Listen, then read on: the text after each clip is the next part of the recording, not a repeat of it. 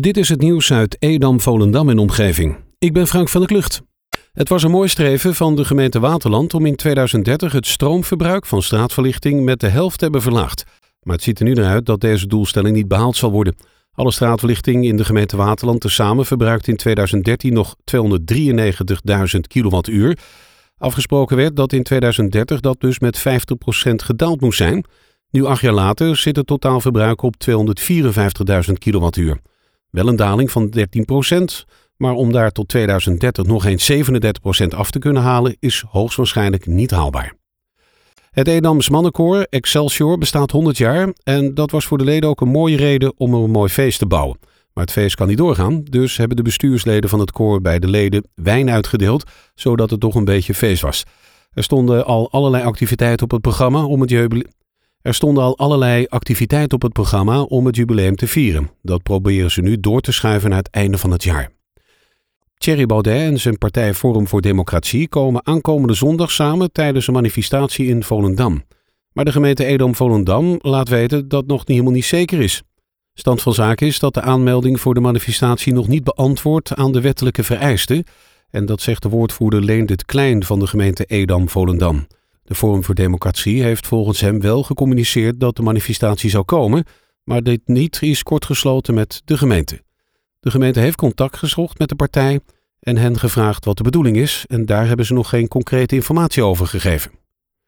GGD Zaanstreek Waterland heeft in Volendam tijdelijk een landelijke coronatestbus ingezet. De hoge besmettingscijfers en het lage testpercentage in het dorp vormen de aanleiding voor de inzet van de testbussen.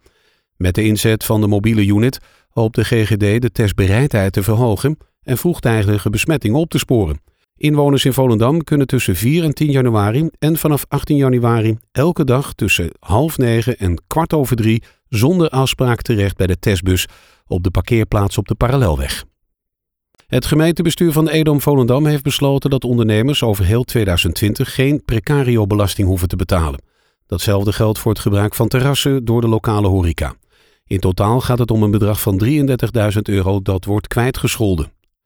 De dijk in Uitdam, die al sinds 2006 aan vervanging toe is, gaat binnenkort op de schop, maar niet zoals de bewoners dat willen. Zij vrezen dat dit unieke stukje dijk verpest wordt door een stenen muur.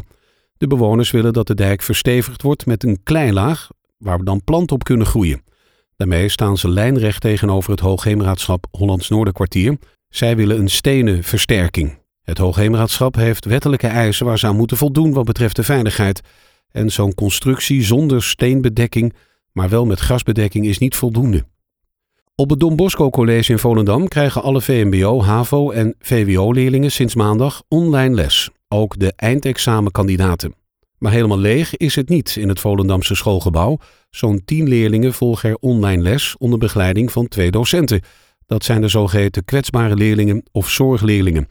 Dat meldt het Noord-Hollands Dagblad vandaag. Ze hebben geen tablet of laptop om hun werk op te doen en hebben moeite zich thuis te concentreren. Ze kunnen in de klas met een laptop van school aan de slag. Veel scholen hebben deze weken zorgleerlingen in huis. Vijf van de zes locaties van de Purmerendse scholengroep zien samen bijna 170 leerlingen verschijnen. Opvangcentra voor wilde dieren in Noord-Holland kunnen subsidie aanvragen om hun communicatie te verbeteren. Hierdoor kunnen zij straks betere voorlichting verzorgen en meer bekendheid geven aan het werk wat ze doen. In totaal is 100.000 euro beschikbaar. De opvangcentra kunnen vanaf 14 januari een subsidie aanvragen. De subsidieverstrekking heeft een ondergrens van 1500 euro. Het geld kan besteed worden aan onder andere het ontwikkelen van les- en spreekbeurtpakketten, informatiefolders, deelname aan beurzen of markten en voorlichting aan diverse organisaties. De vrijwilligers van Hospice in Vrijheid zijn dit jaar de winnaars van het lokaal compliment van Purmerend. De prijs werd hen op de laatste dag van het jaar uitgereikt door wethouder Harry Rotgans van de oudere partij AOV. De 1000 euro komt heel goed van pas, want dit jaar gaan ze de kamers opknappen. De tweede prijs, goed voor 500 euro, ging naar FC Purmerend, die de prijs overhandigd kreeg van Rob de Neve, directeur van de Rabobank. Tot zover het nieuws uit Edam, Volendam en omgeving. Meer lokaal nieuws vindt u op de Love Kabelkrant, onze website of in de app.